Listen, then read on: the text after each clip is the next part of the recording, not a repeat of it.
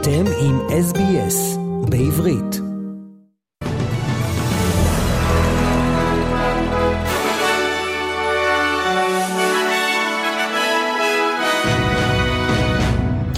חדר חדשות של SBS והרי הכותרות. נמשכות ההפגנות נגד המהפכה המשפטית וזהו השבוע ה-18 עם 150 אלף מפגינים בתל אביב ועוד המונים ברחבי הארץ. ובאנגליה אירוע ההכתרה של מלך אנגליה צ'ארלס השלישי שהוכתר ביום שבת בטקס בכנסיית וסטמיניסטר.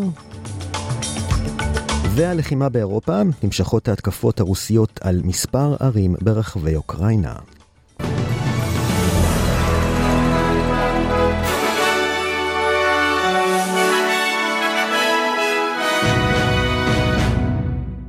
ונתחיל עם ישראל וההפגנות נגד המהפכה המשפטית שהתקיימו ביום שבת, וזאת לקראת סבב השיחות בבית הנשיא שצפוי להתחדש השבוע ולעסוק בשורש המחלוקות. כ-150 אלף בני אדם הפגינו בתל אביב והמונים פקדו מוקדים נוספים. שרת החוץ והמשפטים לשעבר ציפי לבני נאמה בהפגנה המרכזית ברחוב קפלן בתל אביב, בנתניה נאם יושב ראש המחנה הממלכתי ושר הביטחון לשעבר בני גנץ. כבישים במרכז תל אביב נחסמו בשעות אחר הצהריים לתנועת כלי רכב. בתוך כך, צוותי המשא ומתן של הקואליציה והאופוזיציה בבית הנשיא סיימו שלשום את סבב הדיונים הראשון, לאחר שמיפו את אזורי ההסכמה והאי הסכמה בכל הנושאים שעומדים על הפרק. בסך הכל התקיימו שבעה מפגשים בסבב הזה. כשברקע הלחץ הציבורי של המפגינים משני הצדדים, נציגי המפלגות סיכמו שהשיחות יתחדשו ביום שלישי, ואז ירדו לעומקם של דברים בניסיון להגיע להסכמות של ממש. ביש עתיד ביקשו להתחיל לדון בהרכב הוועדה לבחירת שופטים, ליבת המחלוקת, ואילו נציגי המחנה הממלכתי חשבו שלא נכון לייצר דיון בנושאים ספציפיים, אלא לייצר דיון כולל. צוות הנשיא הודיע שהוא קשוב לבקשות ויעדכן את הצדדים באילו מתכונת יערכו השיחות בשלב הבא. ונעבור לאנגליה לאירוע ההכתרה של מלך אנגליה צ'ארלס השלישי, שהוכתר ביום שבת בטקס בכנסיית וסטמיניסטר. צ'ארלס וקמילה הגיעו בכרכרת זהב לכנסיית וסטמיניסטר, המלך נמשך בשמן זית מירושלים, וכתר אדוארד הקדוש הונח על ראשו. הוא זכה לקריאות אלוהים נצור את המלך ולמטחי כבוד. רבבות גדשו את מרכז לונדון והפארקים. ראש הממשלה האוסטרלי אנטוני אלבניזי גם הוא נכח באירוע.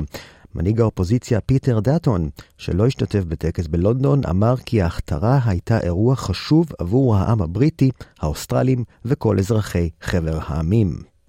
מר דאטון אמר בהצהרה שזהו רגע שבו מסורת עתיקת יומין מביאה איתה גם תחושה של חיבור מחדש להיסטוריה וגם התחדשות בזמננו.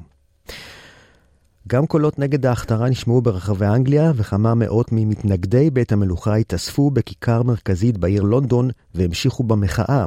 בתקשורת המקומית דווח שבכל פעם שהוזכרו בטקס המילים המלך צ'ארלס, הם קראו לא המלך שלי, ובחלקים אחרים של הטקס הם קראו בוז וצעקו, הוא סתם בן אדם רגיל.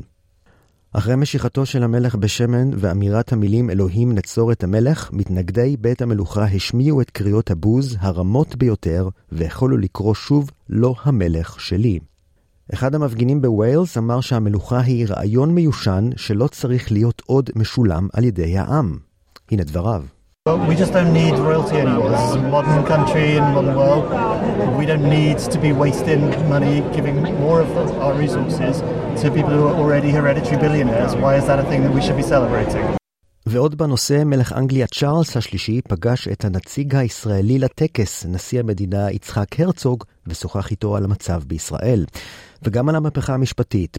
צ'ארלס ביקש לחזק את הרצוג על המאמצים שלו להביא לפשרה, והנשיא מצידו השיב למלך כי ישראל היא דמוקרטיה תוססת.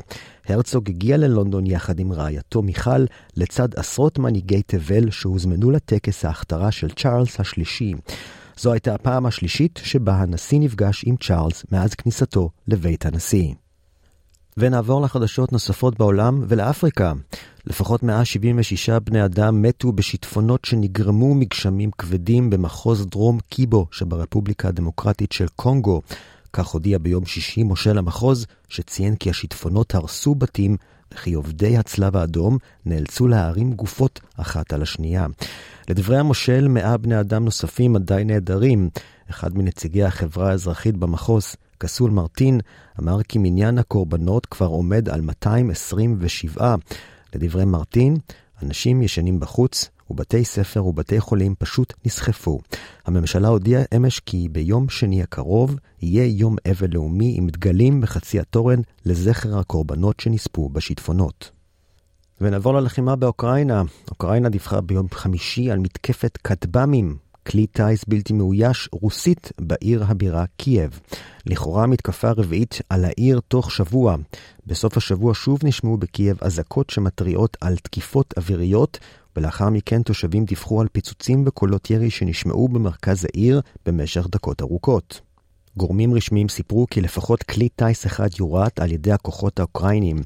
בהמשך עדכנה קייב כי מדובר במל"ט שמשמש את כוחותיה, שאיבד שליטה במהלך טיסה בשמי העיר, לדברי אוקראינה. במתקפה לילית שוגרו 24 כטב"מים מתאבדים מתוצרת איראן, ומתוכם 18 יורטו. הרשויות בקייב הודיעו כי מערכות ההגנה האווירית בבירה הצליחו ליירט את כל הכטב"מים ששוגרו לעבר העיר, ופיצוצים תועדו בשמי קייב. 15 מהמל"טים שוגרו לעבר עיר הנמל אודסה, ולדברי הצבא האוקראיני, 12 מהם יורטו בעוד שלושה התפוצצו בקמפוס של אוניברסיטה בעיר. לא דווח על נפגעים.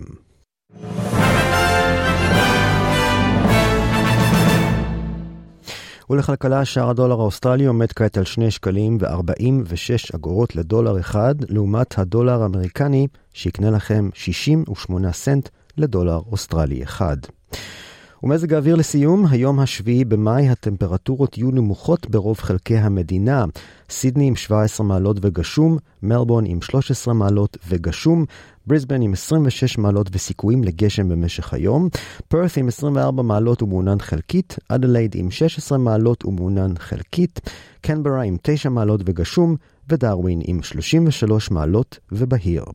ועד כאן, מחדר החדשות של SBS.